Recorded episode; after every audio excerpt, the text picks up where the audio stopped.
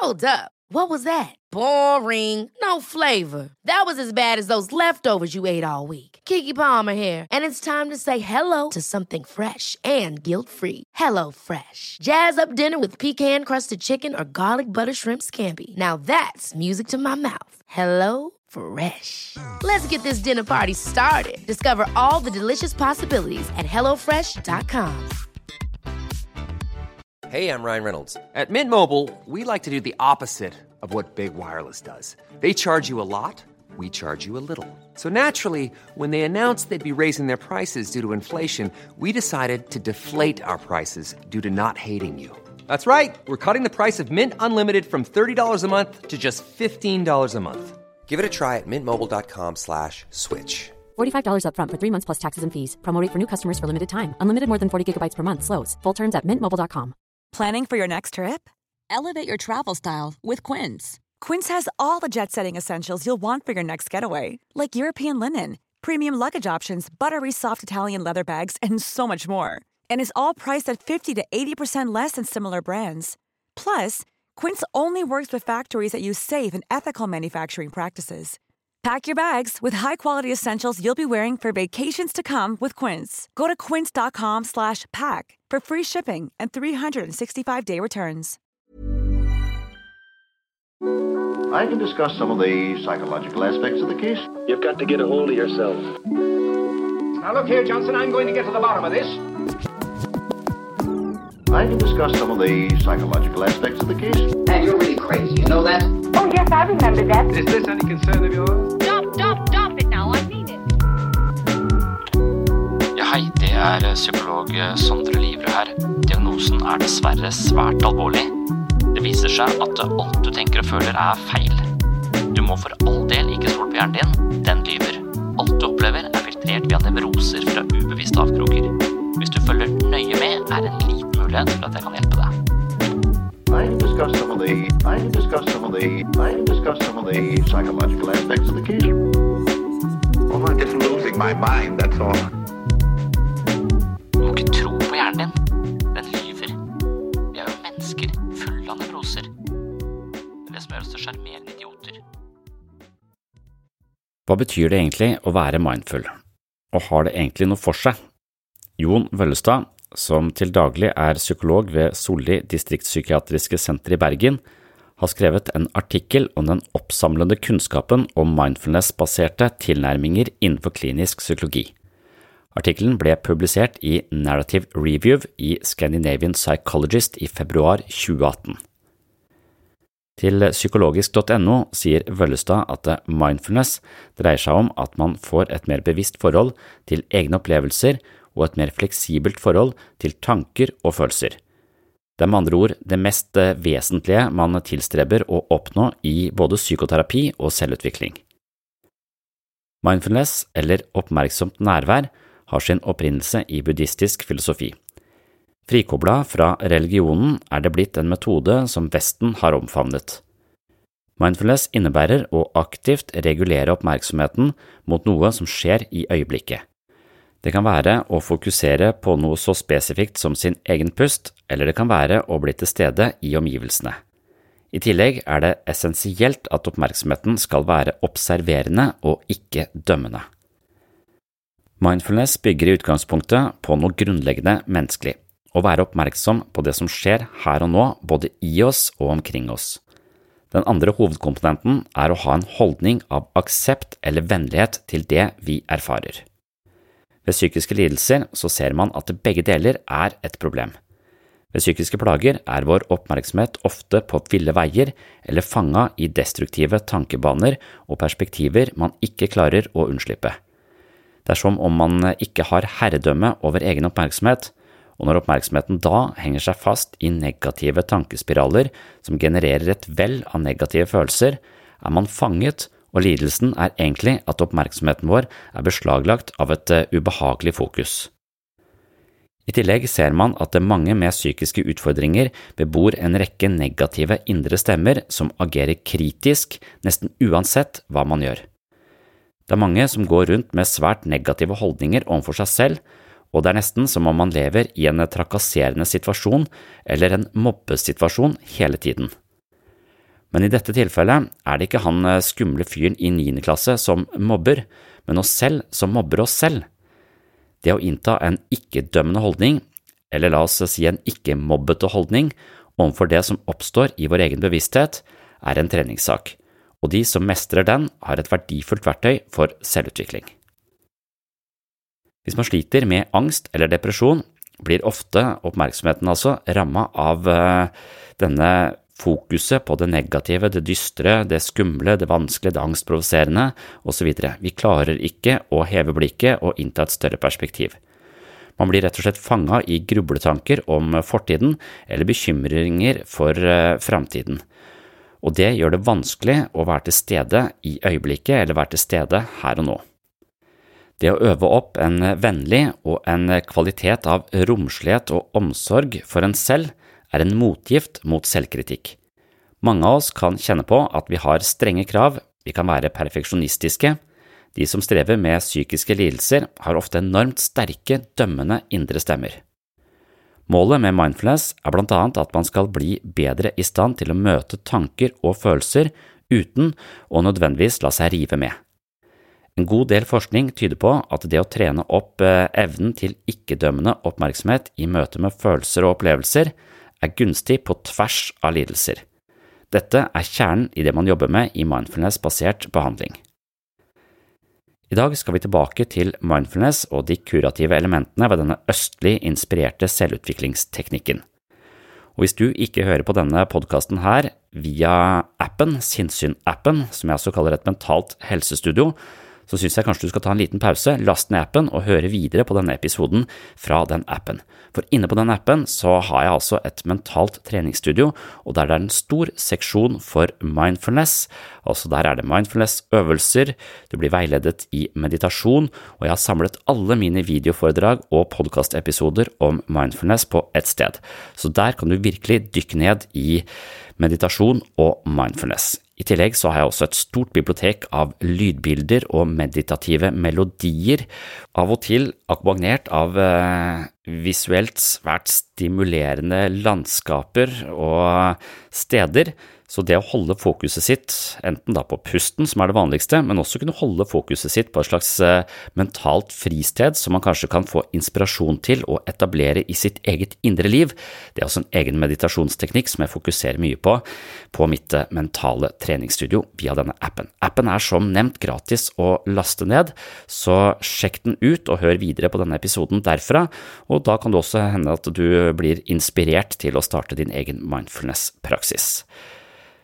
Velkommen til en ny episode her på Sinnssyn.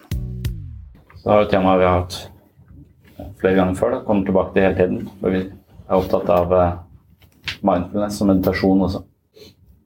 Nå hørte jeg noen podkaster om det og fikk noen sånne historier som jeg ikke helt vet hvordan jeg skal flette inn. Jeg snakket så vidt om det tidligere i dag, at det er en sånn vandrehistorie om en, en busstur hvor det er eh, en del folk som er ute på en sånn ekskursjon av et eller annet slag, og så kjenner de hverandre ikke så godt. Og så har de en pause, og så går alle ut for å tisse osv. Og, så og så er det en som går og bader aleine, og så skifter hun klær, så hun, får, hun skifter farge på tøyet. Så når hun kommer tilbake på bussen, så, så, har hun en helt annen farge. Og så er det folk som ikke kjenner eh, henne igjen, da. Så, så de mener de mangler en person. Så Derfor så begynner de Oi, vi mangler en. Og så, og så begynner alle å leite da, etter en person som eh, mangler. Så de blir værende der resten av dagen og utover eh, leiter hele natta. Først på morgenkvisten så, så, skjønner hun eh, Hun har også vært med på leiteaksjonen, hun som de leiter etter.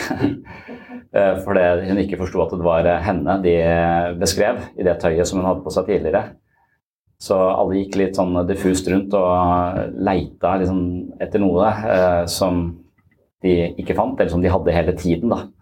Og det er liksom sånn ett av mange bilder på litt sånn mindfulness-ting. og litt sånn som vi kanskje driver med i livet vårt, at vi, vi skal et sted. Litt sånn uklart hvor vi skal, men vi skal bare komme oss, komme oss videre, liksom, og, og, finne noe. Litt uklart hva vi skal finne, litt uklart av hva målet egentlig er. Og sånn lever vi, lever vi livet vårt, litt på leit etter noe vi ikke veit hva, hva er, eller litt vanskelig å definere. Så det er nok en, eh, en, del av det som er budskapet i mindfulness. Da. Altså, det er nå livet er. Det er dette. Eh, det er det å sette pris på dette. dette øyeblikket og helt ikke skulle et annet sted. Og det er altså bilde på uh, som jeg leste meg fram til, fikk seg et sånt ark hvor det var en strek for hver uke som du, kan, som du har å leve på. Da. Og hvis du blir 80 år, så får du 4160 streker på det arket. og Det er plass til det på et ark, liksom. Men jeg har jo brukt opp over halvparten av, av strekene mine allerede. Og jeg kan godt forstå at jeg liksom hele tiden jeg skal bare komme meg dit, skal bare komme meg dit. Sånn, hva er liksom målet? Altså Målet er å bare få kryssa ut eh, færre og færre streker for hver uke som går. Og til slutt så er jeg i mål, og det er å råtne for mitt vedkommende. For jeg tror ikke at det skjer så mye annet enn at jeg, jeg råtner. Så, så jeg driver og jobber meg fram. Jeg snart i mål nå, skal, skal råtne. Jeg har liksom den mentaliteten at jeg skal et annet sted hele tiden. Og at mye av det jeg holder på med nå, eh, ikke er der jeg egentlig skal være. Jeg skal et annet sted. Så jeg prøver veldig de siste åra å tenke at det er akkurat her jeg skal være. Det er akkurat i dette rommet her jeg skal være hver torsdag i all overskuelig fremtid. og noen vil se på det som helvete. og fy faen, stakkars deg. Men definisjonen på mindfulness ifølge Jon Kabat-Zinn, det er eh, å være oppmerksom med hensikt i øyeblikket på en ikke-dømmende måte. Og så viser det seg at mindfulness det har liksom en sånn effekt på tvers av ulike diagnoser. Det er en sånn slags eh, transdiagnostisk eh, intervensjon. Så den, eh, den har en, en positiv effekt, spesielt på depresjon. Litt mer uavklart på angst, men ganske mye på en del angstlidelser også. Og på en hel haug av andre symptombilder. Så er liksom spørsmålet hva er det ved denne praksisen som de har holdt på med i tusenvis av år i alle de store visdomstradisjonene, som har en sånn helsebringende effekt på, på mennesker. Og jeg tror det er i hvert fall to, uh, to, ting. Og det første er det med oppmerksomheten vår. og Det å kunne styre oppmerksomheten sin og eie sin egen oppmerksomhet. Det tror jeg er liksom ekstra viktig i vår tid. Jeg tror ikke det har vært viktigere enn noensinne å på en måte ha eierskap til sin egen oppmerksomhet. I og med at vi er i en slags oppmerksomhetsøkonomi som handler om at andre vil ha vår oppmerksomhet, og gjerne stjeler vår oppmerksomhet, og tjener penger på vår oppmerksomhet så må vi verne om vår egen oppmerksomhet, sånn at vi eier den selv. Sånn at vi ikke har eh, lånt den ut til folk som tjener penger på oss uten at vi får en krone igjen for det. Så Derfor føler jeg det er nesten et slags politisk prosjekt også, å, å gjenvinne sin egen oppmerksomhet. Og Derfor så er jo mindfulness handler om å, å, trene opp og oppøve oppmerksomheten sin. Så det er ofte at man fokuserer på pust da, og, og være til stede i øyeblikket. Og med en gang man merker at tankene begynner å kjøre i andre retninger, så er jo tankene de driver med tidsreiser, så tankene kan reise inn i fremtiden med bekymringer. De kan reise tilbake til, til fortiden. og Det er liksom det, det man snakker om i, i, mindfulness. og Hver gang du da oppdager det, så skal du ikke si 'faen, jeg fikk det ikke til å meditere, jeg er helt ræva'. Da er det den ikke-dømmende delen uh, som blir ganske viktig. Du skal registrere at det skjer, og så skal du veilede tankene tilbake til, uh, til øyeblikket. Og det er uh, å trene sin egen oppmerksomhet. Og så virker det som det finnes to typer oppmerksomhet. Den, du har den oppmerksomheten du trenger for å lese en bok, hvor du kobler ut andre og du klarer å konsentrere deg over lengre tid om én ting. Og så er det den andre typen oppmerksomhet som vi også trenger når vi går på en åpen gate, som handler om å monitorere seg selv, eh, sin egen eh, kropp, eh, det er oppoverbakke, og passe på at du ikke treffer andre folk på gata, så du kan gå utenom. Så du må ha en litt mer sånn en videre emosjonell horisont. Da. Du må ha en vid horisont, et, et stort oppmerksomhetsspenn på alt det som foregår rundt deg. Og det å kunne velge mellom å ha et vidt spenn på det som foregår, og det å kunne konsentrere seg sånn, det er det jeg tenker på som å eie sin egen oppmerksomhet. Da. Det er litt det som man som barn har problemer med, og man tenker er problemet med, med ADHD. At man eh, f.eks. nå skal vi konsentrere oss om algebra, og så sitter alle på skolen, og så er du ni år og gutt.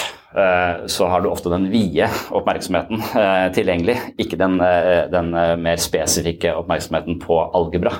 Det er veldig lett å bare, bare ha en vid oppmerksomhet på alt det som foregår der borte. Jeg tror jeg skal kaste et whistler i bakhuet på hun som sitter der, for å se hva som skjer. Så, så det å eie og, og, hvis man ikke klarer å konsentrere seg med algebra, så får man jo en diagnose. Så det handler om å, å, å evne til å zoome inn og zoome zoome ut og gjøre det med vilje. Så med hensikt. Være oppmerksom med hensikt. Jeg mener det er en treningssak, og jeg håper det er en treningssak. Og derfor er jeg også har en slags sånn uavklart forhold til ADHD-diagnosen. For jeg vet ikke helt i hvilken grad man mener at det er biologisk determinert. Da, I den forstand at det, du er født med en ødelagt hjerne, så du kan ikke klare å styre oppmerksomheten din. Altså du, problemet med mange sier at de klarer ikke å holde fokus på ting som er kjedelig. Noe som betyr at eh, skole er en umulighet fordi at det de er kjedelige. Det er kjedelig fordi du har ikke valgt det. Du har ikke valgt, Hvis du hadde interessert deg for kristendom, så KRLE, eller, så, så er det jo greit. da, da, da det, men, men, du blir tvunget på all mulig slags fag i løpet av en periode på ganske mange år. Så, så, men jeg tror likevel at det er eh, å konsentrere seg om kjedelige eh, ting er noe vi må trene opp, akkurat som vi trener kroppen. Da. Så i den grad hjernen er plastisk, så vil den også endre seg. Og det ser man jo når man har meditert en del, at det, det er strukturelle endringer i hjernen. Det er på, av samme årsak som at det er noen barn som spiller på førstelaget, andre barn som spiller på andrelaget. De er født med en annen motorikk, kanskje. Og så er det de barna som spiller på andrelaget. Kanskje de eh, gjør det dritskarpt på skolen eller er helt syke på svømming. Så det, så, det, handler om, eh, om at vi har uh, ulike grad av medfødte uh, talenter. Noe som ligger lett for oss, noe som ikke er fullt så lett for oss. Og det som ikke er fullt så lett for oss, det må vi trene mer på, men det betyr ikke at vi ikke kan bli gode på det. Ja, altså um, Mindfulness vil være så, av, så lite verdilada som mulig, for det handler om en nøytral observasjon. Så, så, sånn sett så, så er det, det, det, er det andre aspektet med det ikke-dømmende aspektet med mindfulness som er vel så viktig som, som dette med å trene opp oppmerksomheten sin. Det er to helt sentrale ting som man trener opp der, som begge to har en veldig positiv effekt på menneskets psykiske liv. da. Men, men det med å, å være moralsk og si at ja, du jeg mener kanskje, jeg, jeg syns ikke vi skal klandre enkeltmennesket uh, for dette. Jeg syns vi skal klandre systemet for at uh, tilbudet når du får en ADHD-diagnose, er amfetamin. Og, og, for meg så er det en uh, altså Hvis det stemmer at det bare at det er mulig å trene opp oppmerksomheten sin og eie sin eget fokus i mye større grad, så bør det være et tilbud som er tilgjengelig. Og det bør også være førstevalget, syns jeg. Jeg tenker på at La oss si man har flyskrekk. da og du flyr tre ganger i året, så kan du legge masse energi og bli kvitt flyskrekken din, og kanskje du må vedlikeholde det og være oppe på høyder og alt mulig sånt noe. Eller du kan bare drikke ganske mye whisky før du flyr og få heng over dagen. Du kan velge det, eller du kan ta vanedannende, angstdempende preparater som Stobril, og så kan du si 'jeg tar det hver gang jeg flyr'. Så tenker jeg det er greit valg. Eh, for det, det, du flyr tre ganger i året. Gjør det. Drit i å bruke alle du, du tenker jeg, orker ikke å bruke tid på å bli kvitt uh, flyskrekken min. Men, men, når det kommer til da litt andre, litt større, større ting, f.eks. at jeg er nødt til å ha Ritalin for å komme meg gjennom eh, tolv års skolegang, da har du plutselig valgt en type medisin som skal gjelde veldig lenge. da. Og, og jeg vet ikke, De som har fått ADHD-diagnosen, sier til meg at de, ja, det er ikke en varig løsning, har legene sagt til de. Men det er jo det, ofte. Det er jo ingen som tar de av det, eller, eller sier ja, nå skal vi trene. altså For meg så vil all mulig form for medisin, bortsett fra whisky før du, før du skal fly, er noe som altså, Du tar en medisin for å skape deg et manøvreringsrom. Du, du, tar en medisin for å si at 'jeg har kjørt meg fast i en blindgate, jeg kommer ikke ut herfra'. Mens medisinen gir deg litt sånn at du kan på en måte begynne å kjøre litt fram og tilbake og, klare å snu på en eller annen måte. Men hvis du bare får medisinen og sier ja, nå var det litt lettere å være her, og ikke prøver å snu, eller ikke bruker den manøvreringa til noe, så føler jeg at du har gjort deg avhengig av en eller annen sånn uh, ting som ligger utenfor deg selv, som, som, du kanskje kunne eid med fordel. da. Det er der jeg håper at hjernen er så fleksibel og plastisk som det heter, at den faktisk kan endre seg avhengig av hvordan vi bruker den. Og Det er et håpefullt perspektiv, syns jeg. Og jeg mener det er også hold i, uh, i, forskning på akkurat det. Nei, så, så medisiner fungerer jo litt uh, forskjellig. Noen medisiner gir deg bare liksom at det aktiverer følelsene i litt mindre grad, sånn at det er større rom for å tenke seg om eller, eh, eller uh, håndtere de. Mens uh, psykedelika går direkte på selve målsetningen i mindfulness. Fordi at det, den der eh, å være til stede og eie sin egen oppmerksomhet, men også ha den på en ikke-dømmende måte, det er det som er så sjukt vanskelig for, eh, for, mennesker. For det er nesten alt vi opplever, dømmer vi. Det vil si at det, vi er, dømmer det betyr bare at vi, vi forstår det. Vi, vi, vi er, og vi er nødt til å forstå det, for det, det er sånn vi orienterer oss i verden. Vi, kan ikke på en måte se verden med barns øyne. Det er ikke et valg for oss å, å se dere for første gang. og gå inn i et rom for altså Jeg har vært der, for jeg kan ikke velge det og ikke forstå det på en eller annen måte. Så, så vi har da denne delen av hjernen vår som denne huben som, eh, som har dette operativsystemet som er installert i huet vårt av andre folk, som fortolker alle opplevelsene våre. Og mange går rundt med en fortolkning som sier at du er ikke god nok, eh, det var ikke bra nok, eh, du kommer til å drite deg ut. Altså, så enhver situasjon tolkes hele tiden, dømmes på en måte, og du har gjerne en dommer som er retta mot, uh, mot, deg selv, og en indre kritiker.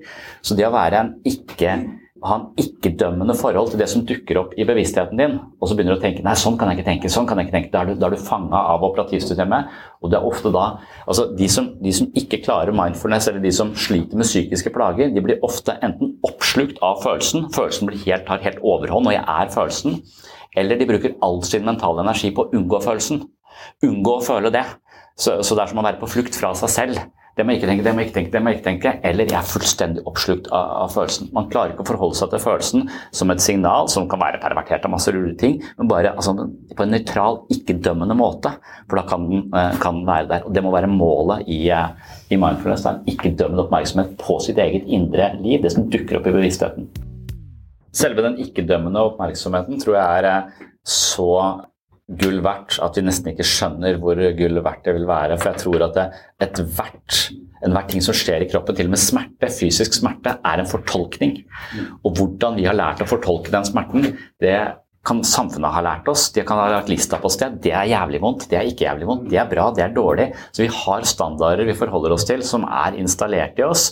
Og dermed så vil vi også føle den smerten som er opp til det, eh, opp til det punktet. Hvis vi, hadde, hvis vi hadde klart å møte det på en mer ikke fordomsfull eller eh, forhåndsprogrammert måte. Altså, for dette går på automatikk, så dette er jo egentlig Denne oppmerksomheten handler også om å, å ikke være en robot. Det handler om å ikke hele tiden gå på automatikk og la alle fortolkninger skje bang, bang, bang, bang, bang uten at vi tenker oss om. Og være oppmerksom på fortolkningene som gjøres da, i den venstre hjernehalvdelen. Der aksept eh, er liksom stikkordet, helt klart. Og det er nok eh, de, de, fleste menneskers problem er nok at de eh, tenker at eh, jeg er usikker, det må jeg prøve å bli kvitt. Og så bruker man ekstremt masse energi på å fremstå som ikke-usikker. Og så er det istedenfor å akseptere usikkerheten, så, så, kjemper man imot usikkerheten. Om det er i kampen mot seg selv, det er i krigen mot seg selv at symptomene kronifiseres og blir til et helvete. Og ødelegger for det. Men jeg var på, jeg var i, på, på konsert syns jeg var veldig stort med, med Billie Eilish nå, og hun sa tre ting på, på scenen som jeg, som jeg Altså hun er jo et ungt menneske og snakker til et forholdsvis eh, ungt publikum, men en svær scene. Og, og hun sier på denne konserten her så er det tre regler. Det første var 'don't be an asshole'.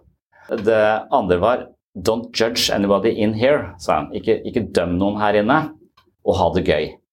For meg, så, når jeg visste jeg skulle snakke om mindfulness på uka etter, så var det, er jo de tre, er de tre reglene i, i, mindfulness også. Men jeg ville Og jeg skjønner det var det som har skjedd i Oslo og på den London pub og alt sånn, altså at eh, vi har, vi har bevegelser som sier vi skal ikke dømme noen for legning, eller vi skal ikke dømme noen for uh, og, og, og, så videre. Det er, det er det mange som står på barrikadene for, da, og ikke skulle dømme andre. Det syns jeg er veldig bra. Og jeg syns det er også veldig bra å ikke være en, et rasshøl mot, uh, mot folk. Men jeg syns at det prosjektet skulle også bli intrapsykisk, på en måte. For jeg tror at det er veldig mange står på barrikadene for å ikke dømme andre, ikke dømme skeive eller hva det skulle være for noe. Men det er veldig, eh, og det er mange som dømmer skeive, så det er, viktig, det er et jævla viktig prosjekt. Eh, det er ikke det, men jeg tror det er vel så viktig for veldig mange å ikke dømme seg selv. For jeg tror hvis du tar det samme prosjektet inn, ikke vær et rasshøl mot deg selv, ikke døm deg selv. Og Hvis du begynner å høre etter hva du sier til deg selv i ulike situasjoner, og hvor mye raushet og toleranse du har for feiltrinn, eller du glemte igjen noe der, eller bare alle sånne ting, hvordan du behandler deg sjøl Hvis du hadde begynt å behandle andre mennesker på den samme måte som du behandler deg sjøl, da tror jeg du hadde brutt reglene til Billie Eilish. Da tror jeg du hadde vært et rasshøl. Så tror jeg det jævlig dømmende. Og da kunne du ikke vært på den, eh, på den konserten. Og, og, jeg kjente meg igjen i det, for jeg, spesielt det siste, have fun, er vanskelig for meg. Altså det, det, er vanskelig, og så sier du, og så rister vi ut. Altså, sånn, ja, når folk sier det, nå skal vi riste løs og være sånn eh, frie og sånn, da blir jeg helt stiv. Jeg. Da var jeg sånn Fy faen, teit. Så dømmende som det går an å, å, å, få blitt. Så jeg er fordømmende til å ha det gøy på konsert. Ja, ja, jeg er full av de. Spesielt den der å slippe seg løs. da, Slippe seg følelsesmessig løs og bare leve seg inn i denne, i denne musikken. Og så være til stede her og nå. For jeg tenker sånn Det blir litt teit å stå her, og så jævlig bratt her òg.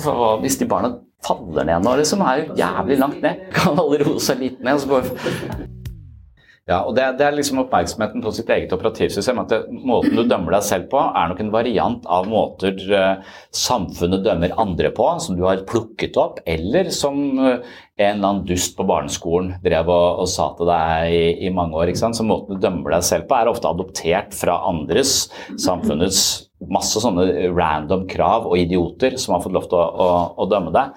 Så, så jeg tenker det, det å avkode andres dom over deg, det tror jeg vi også må jobbe med. Eh, for noen ganger så har andre perspektiv på som vi trenger å se på. Mens eh, veldig ofte så er det også perspektiver som eh, altså, Det er jo en del mennesker du vil bli dømt av. Ja, men jeg tenker at Hvis, hvis en eller annen nynazistforening i Kristiansand elsker alt jeg gjør, så hadde jeg begynt å tenke æh, vil ikke helst bli akseptert av de folka der. Men hvis de hater alt jeg gjør, så tenker jeg Mm, på rett kurs. Jeg blir dømt av de folka der. Det høres ut som jeg er på, på den, den, kursen. Så det er jo mennesker du ikke vil anerkjenne seg, på en måte. Så det å, det å dømmes, hvor, hvor kommer det, den dommen fra? Er det fra et, fra et sted med, som du kan stole på, eller er det fra et sted du vil, ønsker aksept fra? Hvorfor ønsker du aksept fra det?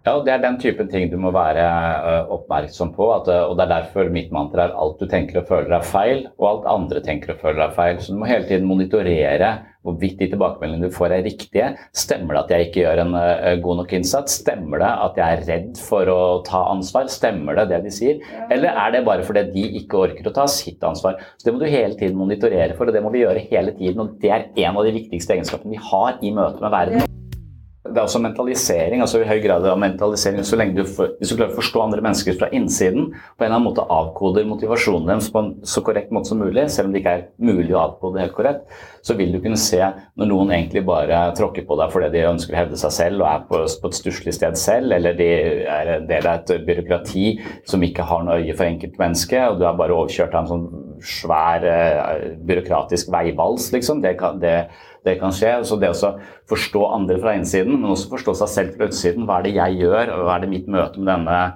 dette systemet, hva slags dynamikk oppstår her? Sånn kan jeg endre noe på min måte å være på for at dette her skal skli, skli bedre. Jeg tror, tror, man skal være liksom varsom i møte med, med systemer og, og, skille mellom systemer og enkeltmennesker også. for at det, et system som Nav er jo et eh, byråkrati. Et byråkrati er laget sånn at det skal være likhet for loven. Derfor er det å se enkeltmennesket noe som de på en måte er sånn uavklart. Skal, skal Nav se enkeltmennesket, så blir det trynefaktor. Da er det de som er sjarmerende, som får mest. Men hvis, og For det er vi mennesker er så fulle av biaser, og så liker vi deg, så gjør vi litt sånn der, og så gjør vi litt sånn der. Så, så blir det urettferdig på den måten. Derfor så er jo Nav laget litt som et byråkrati som tilfredsstiller du ikke den regelen, så får du ikke den eh, ytelsen, sånn at det ikke skal komme den der uh, trynefaktoren inn i bildet. Da. Så, så byråkratiet er jo laget på den måten for å prøve å på en måte sortere ut urettferdighet. Men så blir det likevel da noe som havner midt i urettferdigheten. Fordi at de Så, så you're damned if you do and damned if you don't i Nav-systemet tenker jeg er et veldig vanskelig, kanskje litt for stort system. There's never been a faster or easier way to start your weight loss journey than with PlushCare. PlushCare accepts most insurance plans and gives you online access to board-certified physicians who can prescribe FDA-approved weight loss medications like Wigovi and Zepbound for those who qualify. Take charge of your health and speak with a board certified physician about a weight loss plan that's right for you. Get started today at plushcare.com slash weight loss. That's plushcare.com slash weight loss. Plushcare.com slash weight loss. There's never been a faster or easier way to start your weight loss journey than with PlushCare. PlushCare accepts most insurance plans and gives you online access to board certified physicians who can prescribe FDA approved weight loss medications like Wigovi and Zepbound for those who qualify. Take charge of your health and speak with a board-certified physician about a weight loss plan that's right for you. Get started today at plushcare.com slash weight loss. That's plushcare.com slash weight loss. plushcare.com slash weight loss. A lot can happen in three years, like a chatbot may be your new best friend. But what won't change? Needing health insurance. United Healthcare Tri Term Medical Plans, underwritten by Golden Rule Insurance Company, offer flexible, budget friendly coverage that lasts nearly three years in some states. Learn more at uh1.com. Jeg lurer på om grunnen til at Jeg tror det er mange grunner til at vi begynner å slite med oppmerksomhet, alle mann. For det ser vi i poliklinikken her. Altså, halvparten av henvisningen hit er på utredning for ADHD.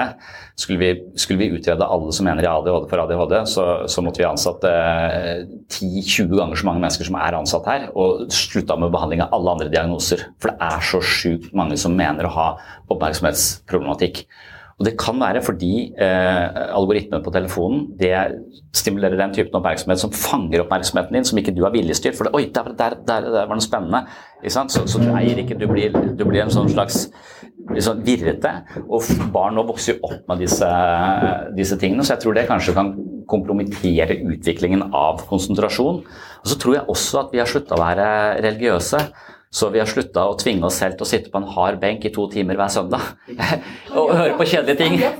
Men, men, jeg tenker at det er noe i de store visdomstradisjonene, den der stillheten, den kontemplasjonen i dette ganske hektiske samfunnet, tilstedeværelse i naturen altså Det er mange, mange ting, men jeg tror ikke vi kan ta oppmerksomhet for gitt. Jeg tenker at vi kanskje på et eller annet tidspunkt er nødt til å begynne å tenke på oppmerksomhet som vi tenker på fysisk trening.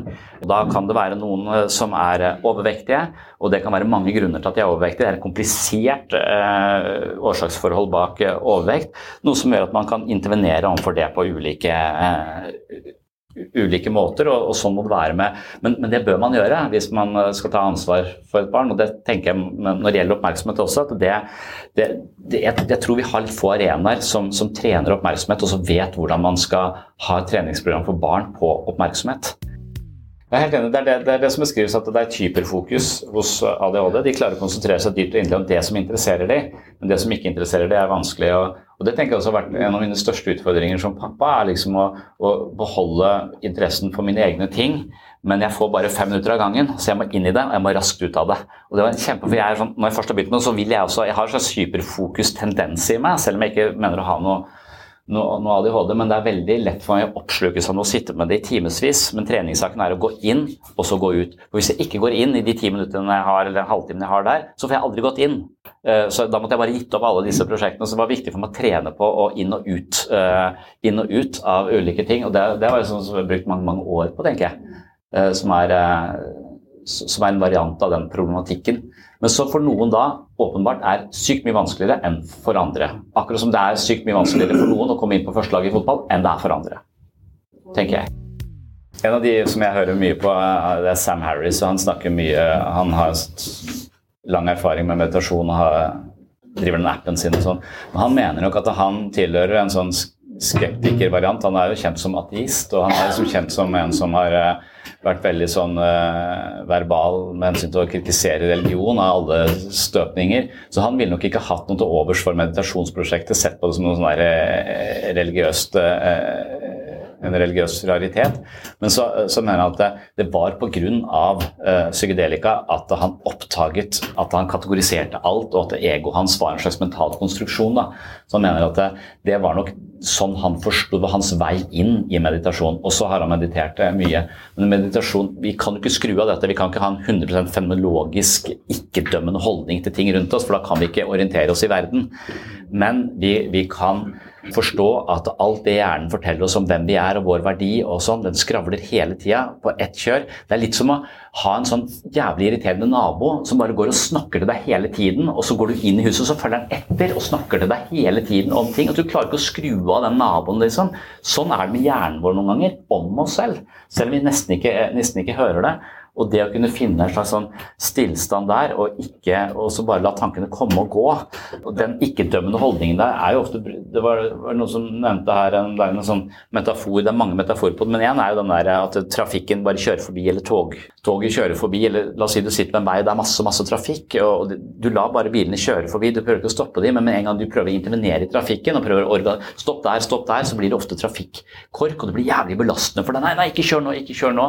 Så det er litt sånn med en gang vi dømmer en tanke, så har vi tatt stilling til den, og vi er liksom på den mentale berg-og-dal-banen. Så det å hvile og la tankene komme ikke ikke agere på dem, ikke, ikke dømme de, bare la de være. La følelsene være sånn som de er. Altså, en følelse får være sånn som den er, akseptere at den er akkurat sånn som den er.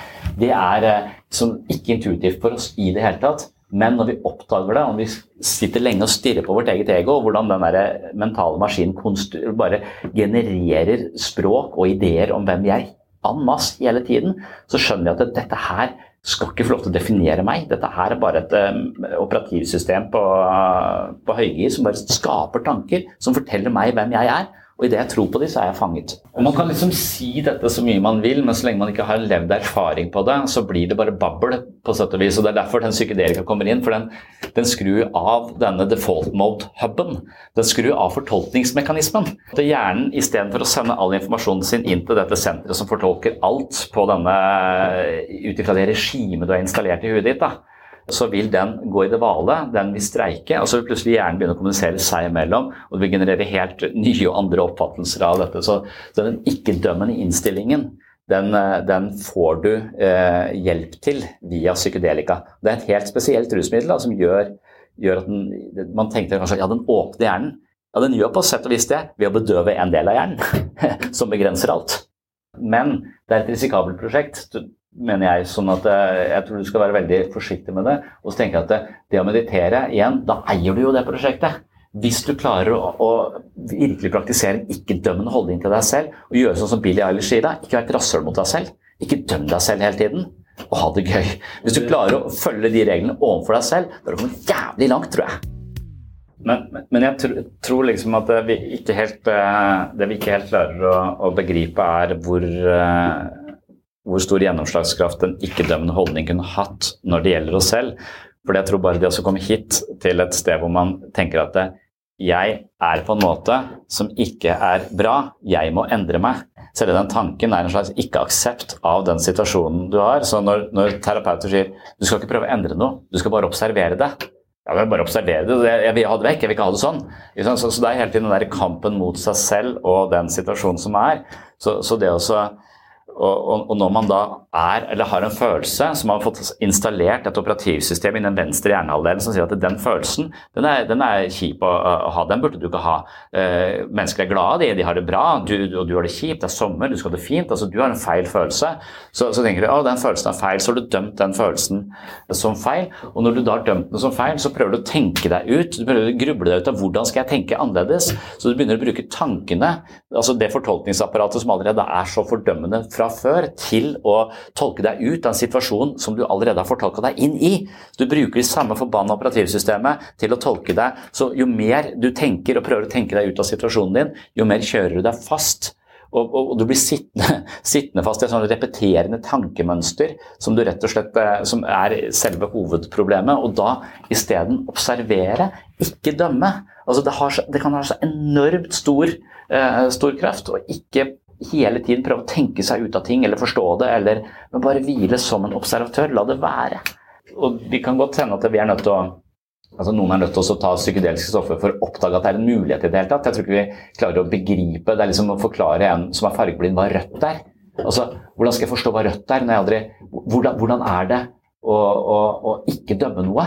Det er, nesten det er, det er eh, jeg, jeg, tror det er ganske vanskelig for oss å forestille oss hvis vi ikke har praktisert det lenge og forstått at uh, alt vi tenker og føler, er ikke oss. Vi er ikke tankene og følelsene våre. De, de oppstår. Du kommer til å misforstå uansett, for du vil aldri forstå noe i en absolutt forstand. For all forståelse er en fortolkning. Så dømme er ikke bare noe negativt. Altså, vi trenger en, en, forståelse for ting for å orientere oss, men det er når vi forstår oss selv altså, og som en absolutt sannhet om at 'jeg er ikke det er typisk meg, jeg er så dum'. Altså, når vi har et operativsystem som tolker ting på en stereotyp måte og har en smal og lite fleksibel fortolkning av oss selv, så mindfulness skal ikke du, du, kan jo aldri komme til en totalt fenologisk posisjon, det er helt umulig. Men du trenger smidige fortolkninger. Du trenger stadig rausere fortolkninger. Du trenger å ikke være et rasshøl. Du trenger å, å, å, å, la tvil komme tiltalt etter gode. Ja, men så er, så, så er det igjen altså, det Mange mennesker har en eh, forståelse av oss som er større enn vi selv har. Fordi at de, de, ser oss fra et annet perspektiv, så de ser noe ved oss som vi selv ikke er eh, et perspektiv som ikke er tilgjengelig for oss. Det er selve basisen i gruppeterapi. At eh, jeg har blinde flekker som ikke jeg ser, men som kan bli sett fra den andre siden av rommet. Og, og, så, og, så, må man bare i, i, terapi og i hele verden for øvrig vite at uh, kartet og terrenget er forskjellig.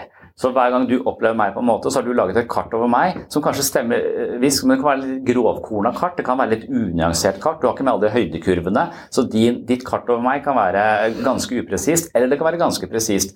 Men du kan bli bedre kjent med meg, så kan du lage et mer presist kart over meg, og jeg kan lage et mer presist kart over deg. Og via ditt kart så kan jeg lese om meg selv, og så ser jeg oi faen, det der har ikke jeg tegna på mitt kart over meg selv. Så nå kan jeg tegne inn nye høydekurver i mitt eget kart ved å lese ditt kart over meg. Og det er liksom selve terapiprosessen, er at vi får et stadig mer nyansert kart over oss selv. Og, og vi lærer oss å lage mer eh, nyanserte kart overfor andre. Så, men hele tiden vite at kartet er jo ikke terrenget. For hvis kartet er det samme som terrenget, så blir kartet for stort. Altså vi har ikke, Kartet vil alltid være en slags gjengivelse av det virkelige. Derfor så vil, og, og, det vi har tilgjengelig, er kartet. Vi har kart og virkeligheten, vi har ikke virkeligheten tilgjengelig i seg selv, fordi vi alltid fortolker den. Den vil alltid være gjenstand for en fortolkning. Derfor vil det aldri være en direkte gjengivelse av virkeligheten. Så virkeligheten er ikke tilgjengelig for oss. Men vi kan komme tettere og tettere på den. Og Naturvitenskap handler om å prøve å lage kontrollerte studier, sånn at vi ikke uh, kobler inn vår egen fortolkningsmekanisme og subjektivitet i for stor grad. på sett og vis. Men, men, et annet problem, og noe jeg selv bruker øh, meditasjon mest til, det er jo å en misforståelse av, øh, av, mindfulness er jo at man skal tømme hodet for tanker. Men det er litt det jeg bruker det til, å tømme hodet for tanker. For jeg mener at når jeg skal, skal legge meg og sove, så, så, tar jeg kroppen min så legger jeg den i en horisontal stilling i, i noe jeg kaller en seng. Og, og, da er planen min å sove. Men hvis eh, hodet mitt fortsetter å tenke, så får ikke jeg sove. Det er litt som å forvente at jeg på en joggetur i skogen skal plutselig sovne. Altså, da har jeg narkolepsi hvis jeg plutselig sovner midt i en joggetur. Så jeg forventer at bare kroppen min legger seg horisontalt, så skal jeg sovne uten å kunne skru av hodet. Hvis jeg fortsetter å være aktivt tenkende, så får jeg ikke sove. Så det å kunne ikke være aktivt i tenkning, altså ikke dømme tankene, det løser problemer. Altså være aktiv i min egen tankevirksomhet. Og det holder jeg ofte på med i en time eller to etter at jeg har laget meg ned. Og da får jeg jo faen ikke sove. Så det å klare å eie oppmerksomheten min igjen da, og, og, klare å holde fokus et sted som gjør at jeg ikke begynner å løse problemer eller tenke på ditt og tenke på datt Jeg er ikke så veldig nevrotisk, jeg har ikke så mye bekymringer, men jeg tenker alt mulig på prosjekter og tanker og alt. Så det, det er liksom ikke Det er, det er som den naboen som skravler til meg, bare at det er mitt eget, eh, mitt eget hode. Og det å skru av det har vært liksom det jeg, det jeg føler også er en treningssak. Det har tatt meg 20 år de første 20 åra sovna jeg momentant, og så etter det så har det tatt jævla lang tid. Så jeg må lære meg å skru av hodet. Men da bruker jeg eh, lydbilder, jeg bruker regn, for jeg har en opplevelse at naturen roer meg ned. Og hvis jeg kan fylle hele oppmerksomheten min med lyden av regn, så, så har jeg på en måte fredet det til et sånn type mentalt fristed, hvor jeg finner restitusjon, hvor jeg, ikke, hvor jeg har skjermet det fra tenkning. Så jeg klarer å koble oppmerksomheten min fylles av regn, og da er det heller ikke da er jeg ikke aktivt tenkende lenger. For jeg har all min oppmerksomhet på regn. Så jeg vet jo at, at, um, at i mindfulness uh, generelt så, så, fokuserer vi på pust, for den har vi alltid med oss. Men jeg trenger regnet, for jeg bruker regn isteden. Jeg skjønner at det er en sånn ting som ligger utenfor meg selv, som kanskje er hakket ikke, ikke like Ja, det er litt mindre, mindreverdig i forhold til å ha det på pusten, for at plutselig så jeg ikke strøm på telefonen. Og hvor er regnet da? For regnet er jo på, på, da, må, er jeg avhengig av at det regner ute. Men, men, det å ha et lydbilde som kan oppsluke oppmerksomheten min, det gjør at jeg kan uh, zoome ut. og altså Tankene kommer, tankene går, men jeg tenker ikke aktivt lenger. Og da finner jeg hvile. Da, det er sånn jeg på en måte Altså hjernen legger seg ned også. For ofte så legger kroppen min seg ned, og så legger ikke hjernen min seg ned. Og Det har vært et, et problem for meg. Og, så, og, da tenker jeg at det å ha de lydbildene som jeg klarer å holde fokus på Men hvor lenge jeg klarte å holde fokus i starten, Jeg var ca. tre sekunder. Så klarte jeg kanskje fem sekunder. Og nå klarer jeg såpass lenge at jeg sovner. Men jeg er nødt til å utvide den, den styrken til å holde fokus på regnet. Og skjerme dette eh, oppmerksomheten min fra aktiv kontemplasjon.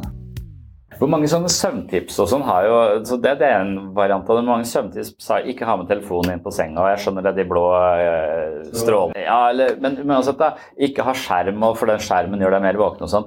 Men faen, det er jo i sofaen foran TV-en jeg sovner. Jeg sovner jo ikke når jeg legger meg ned, øh, ned oppe. og jeg har en kamerat, så når vi er på sånn, turer og sånn, så, så sover jeg alltid på rommet med han. han øh, legger seg til, så putter han to Hva er det du hører på, liksom? Jeg hører på gamle episoder av Radioresepsjonen, så går det 20 sekunder, så sover han. Alltid! Altså Radioresepsjon Uh, så, og, men jeg, jeg, tror kanskje det er fordi da slutter han å tenke, og så hører han på hva de sier, og, og så sovner han fordi de sier så mye meningsløst. men det er morsomt, da. Men, han, men, men det, går liksom Og det er litt det samme følelsen jeg får foran TV-en, at jeg er veldig lite mentalt aktiv. Jeg bare tar imot og ser det. Jeg tenker ikke selv, jeg bare, bare ser på det, og så sovner jeg. Ja, men Hvis jeg da absolutt skal sitte i sofaen og se på det, og så sovner jeg der, og så må jeg opp igjen, skru av TV-en og komme meg helt opp, og så, da, er, jeg full gang igjen. Jeg. Det, altså, dusjen er ofte Da har vi ikke noe, øh, noe vi, da har vi ikke telefonen med oss som regel. For de, de har kanskje begynt å bli vanntette, så vi kan ha dem med i dusjen også da. Det er veldig bra. Så, for folk står mye i dusjen, denne tida må de få brukt. Øh, eller denne tida må vi utnytte med våre algoritmer, så nå lager vi vanntette telefoner. Men, men, la oss si du bare står i dusjen, og så er det vannet som renner, kan ha en eller annen øh, effekt. Men det er vel det at det er det fritt et fritt fokus. At du, du, du har et, et, åpent fokus. Du er ikke fanget av, av, av noe. Det, det, er et kreativt fokus også. Tilstedeværelse i istedenfor hele tiden bare la seg fange og være på vei, på vei videre, er vel liksom selve essensen av det. Og så lurer jeg på Det er noen som sammenligner det med altså, hvor er det viktig å lære seg å være til stede? Er oppmerksomt nærvær avgjørende for oss? Det er, noe, ja, det er noe av det mest avgjørende for livet ditt uh, i det hele tatt. Altså, men det kan kanskje sammenlignes med å lese. altså Gjør mindfulness meg rolig. Ja, gjør lesing deg rolig. Altså, det kommer an på hva slags bok du leser, sannsynligvis. Men, uh, men uavhengig av altså, det å ikke kunne lese, det gjør deg jo til et analfabet, og det gjør at det er enormt mye av livet du ikke får tatt del i. Så lese er liksom en slags egenskap uh, de fleste bør besitte for å få for å kunne, Det er nesten det som, det er nesten det som gjør oss til mennesker, at vi binder tid. Vi deler erfaringer via symboler. og at Det er liksom vår, vår nisje, nærmest. Men du kan leve uten det også. Du kan leve uten å lese, men det, det er ikke sikkert det blir det samme. Det er kanskje litt sånn med oppmerksomt nærvær også, at du kan leve uten evnen til å konsentrere deg eller være til stede i øyeblikket og hele tiden haste videre og bare krysse av. En ny, en ny uke er gått, og så nå er jeg enda nærmere målet mitt. Altså dø og bare haste videre. Eller du kan plutselig oppdage at fy faen, det er nå. Og jeg skal ikke endre på noe som helst. Det er dette. Og det eneste du kan være sikker på når det gjelder psykiske plager, og hva faen det er, at det kommer til å bli annerledes. Altså Den situasjonen som er nå, er den siste gangen vi opplever akkurat denne situasjonen. Vi kommer aldri til å oppleve akkurat denne situasjonen igjen. Og sånn er det. Det er det jeg prøvde å huske på med barn tre. ikke sant? Han tenkte, å fy faen, nå er livet mitt over, nå er det midt på natta, denne barnet sover faen ikke, som vanlige unger. Og så, og så tenker jeg, nå er, Men, men, så, så, men da visste jeg med barn tre at det, det går over. Om en uke så ser ting helt annerledes ut. Og når du veit det, så, så, så, klarer du faktisk å sette pris på det. Så jeg klarte det siste barnet å sette pris på å være oppe helt stille på natta. Og så lenge jeg holder deg, så gråter du ikke. Og da kan vi høre på Nick Cave. Som var det vi holdt på med da. og så tenker jeg det å være, være oppmerksom på vårt eget operativsystem som fortolker alt, det er viktig. Og så er det like viktig å være oppmerksom på det kollektive operativsystemet, som også fortolker alt, og som vi adopterer. Så fokus på det kollektive operativsystemet. Det, det, er liksom, det, er, det, er der vi har mange forståelser. La oss si barn da, som, som, som, utvikler seg veldig forskjellig. Så Prefrontal cortex er ikke ferdigutvikla før de er langt ute i 20-åra. Altså evnen til å holde fokus og konsentrere seg kan være veldig varierende. Stort grad av variasjon her. Eh, så, så det å diagnostisere det, forstå det, dømme det altså Diagnostisering er jo i hvert fall en slags dom, da, eller det er en bedømmelse av noe som utenfor normalen, som i dette tilfellet forstås som noe som skal medisineres med amfetamin, som har kraftige bivirkninger på, på, på Kan ha kraftige bivirkninger. Som står jo på Ritalin-pakka selvmordstanker, depresjon, hjerteflimmer. altså Det er jo ikke måte på risikoen ved å, ved å ta de. Så, så, jeg tenker ja, kanskje dette må til for å klare å finne en konsentrasjon, men bruk også den tiden. Se at vi kan eie den eh, konsentrasjonen på egen hånd. Og jeg er litt redd for at liksom, samfunnet har lagt lista for hva vi mener som sykt, hva vi mener som psykisk sykt, hva vi mener som er normalt, hva som er galt. Og det er det kollektive operativsystemet som, som vi også fortolker oss selv og vår egen situasjon ut ifra.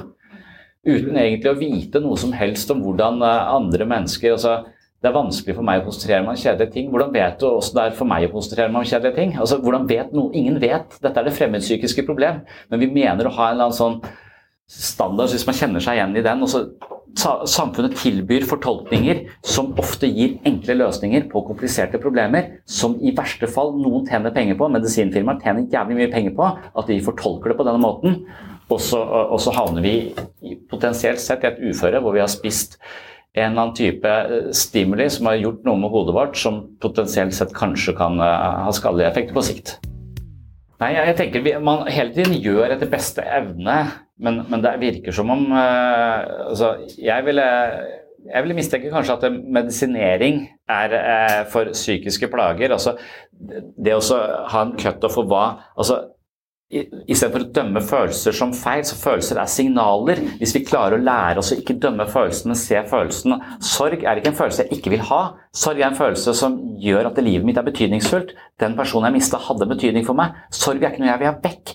Frykt er ikke noe jeg vil ha vekk. For frykt trenger jeg for å ikke havne i farlige situasjoner. Så hvis vi slutter å dømme følelsene, men vi dømmer følelsene den, Sånn skal vi ikke ha det, sånn skal vi ikke ha det. Og så skal vi da ta den følelsen vekk og medisinere det. Så det er en slags mentalitet i systemet her som virker fucked, og som noen Å medisinere vekk vårt eget signalapparat fordi det er litt feiljustert. Hva med å prøve å justere apparatet isteden? Det er vel det øh, psykologi handler om. Da. Det handler om å justere apparatet øh, og, og være superbruker på seg selv, justere sine egne algoritmer, istedenfor at noen andre skal si at de algoritmene de bare medisinerer vekk, så demper vi litt, så kjenner du ikke så mye, og så kan du bare gå i denne tåka.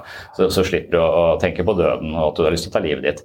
Men du får ikke veldig bra men du går rundt som en zombie. Altså, det, det, det, er jo Nå svartmaler jeg det litt, altså, men ja, medisiner kan gi deg det rommet til å begynne å tenke på din egen måte å tenke på begynne å forstå og begynne å trene på uh, oppmerksomhet eller begynne å sette i gang ting fordi du ikke har kapasitet utenfor. Så jeg tror medisiner har en effekt, men det må ikke bli den eneste løsningen. Jeg tror det finnes medisiner i somatikken som er sånn at du har slutta å produsere et eller annet hormon et eller annet stoff, så du er nødt til å ta dette tilskuddet resten av livet. Jeg tror det finnes i somatisk. Men jeg er litt redd for at vi ikke skal sammenligne syke og soma på akkurat når det gjelder medisiner. Jeg tror åpenheten rundt psykisk helse er 100 ganger større i Norge enn det er i veldig veldig mange andre land. i hvert fall. Så jeg tror vi er eh, far eh, foran veldig mange andre kulturer som eh, fordømmer det i mye mye større grad et kollektivt operativsystem som, som, anser det som totalt uakseptabelt, altså at det ikke egentlig eksisterer. Jeg syns Amerika er et skrekkeksempel. Altså, den Louis Theroux-dokumentaren om denne byen sånn den industribyen hvor folk har veldig harde fysiske jobber, så alle har vondt i ryggen, og så får de eh, medisiner hos fastlegen som tar vekk eh, smerten.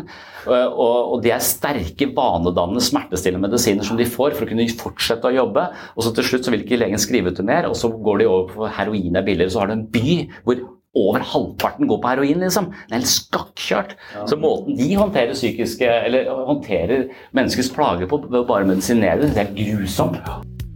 Takk for eh, følget. Det var det jeg hadde om mindfulness i denne omgang. Jeg lurer på om jeg kommer tilbake til denne tematikken ganske snart. Det er eh, mye å snakke om, det er et uh, viktig tema, og det å ikke ha en dømmende holdning til seg selv og være hva skal man si, eh, agenten i egen oppmerksomhet, eller aktøren bak egen oppmerksomhet, eller har liksom herredømme når det gjelder eh, hva vi skal fokusere på, det tror jeg er eh, to av bærebjelkene i god psykisk helse, så det er viktig. Og hvis du ikke hører på denne episoden via min app, altså Sinnsyn-appen, så håper jeg at du med en gang nå tar og laster ned den appen. Der kan du høre alle episodene her på Sinnsyn, men i tillegg så er det en hel haug av andre ting du kan eh, ja, utforske inne på Sinnsyn-appen. Jeg kaller jo Sinnsyn-appen et mentalt helsestudio, og der er en stor avdeling for uh, mentale øvelser, selvutviklingsøvelser og ikke minst eh, en eh, omfattende eh, avdeling for mindfulness og mindfulness-praksis. Der kan du veiledes i meditasjon, og det er et stort bibliotek av meditative lydbilder som kan hjelpe deg til å gjenerobre fokuset ditt og bli herre i eget hus, kan man si der er det også en del eh, teknikker myntet på det å falle i søvn og finne ro på kvelden osv. Så. Så inne på mitt mentale treningsstudio, der er det mye å ta av. Der er det masse videoforedrag om mindfulness og meditasjon, og alt sammen er da samlet på ett sted, sånn at det er lett å finne fram. Det er mye vanskeligere å finne fram i en podkast, for en podkast den legges bare ut kronologisk, og så legger den ene episoden seg oppå den andre, og så blir det bare en lang tråd.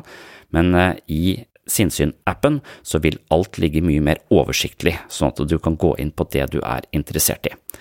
Og som sagt så ligger det masse, masse ekstramateriale fra sinnssyn inne på denne appen, så last ned med en gang, den er gratis å laste ned, og hvis du allerede hører på denne episoden fra den appen, så er jeg Veldig glad for at du har lastet ned denne appen, og hvis du i tillegg er en abonnent på den appen og har åpnet hele Det mentale helsestudio, så er du blant de lytterne som sørger for at jula er i gang her inne på Sinnssyn uke etter uke, måned etter måned, år etter år. Og det er jeg veldig, veldig takknemlig for, for jeg elsker å drive med dette her, og du er altså da en lytter som sørger for at det er mulig ved å abonnere på denne podkasten, så tusen hjertelig takk for det. Oh, oh, I'm just losing my mind, that's all.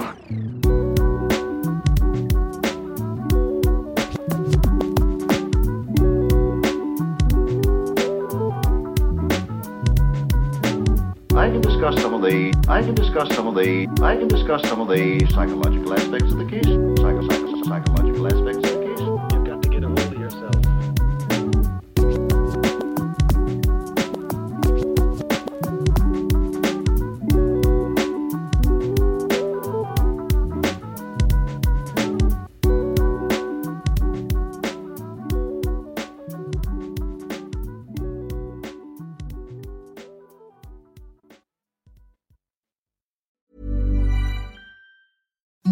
Imagine the softest sheets you've ever felt. Now imagine them getting even softer over time. That's what you'll feel with Bowl and Branch's organic cotton sheets. In a recent customer survey, 96% replied that Bowl and Branch sheets get softer with every wash. Start getting your best night's sleep in these sheets that get softer and softer for years to come. Try their sheets with a 30-night guarantee. Plus, get 15% off your first order at bowlandbranch.com. Code BUTTERY. Exclusions apply. See site for details. Okay, I have two new obsessions that I need to share with you. Impress No Glue Press On Manis and Impress Press On Falsies Lashes. Trust me, these are getting ready game changers. Both require no glue, so there is no damage to your natural nails and lashes, no mess, and no annoying dry times.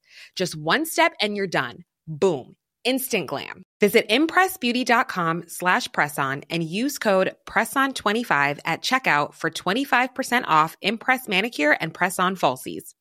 Mom deserves the best, and there's no better place to shop for Mother's Day than Whole Foods Market. They're your destination for unbeatable savings, from premium gifts to show-stopping flowers and irresistible desserts. Start by saving 33% with Prime on all body care and candles. Then get a 15-stem bunch of tulips for just $9.99 each with Prime. Round out Mom's menu with festive rosé, irresistible berry chantilly cake, and more special treats. Come celebrate Mother's Day at Whole Foods Market.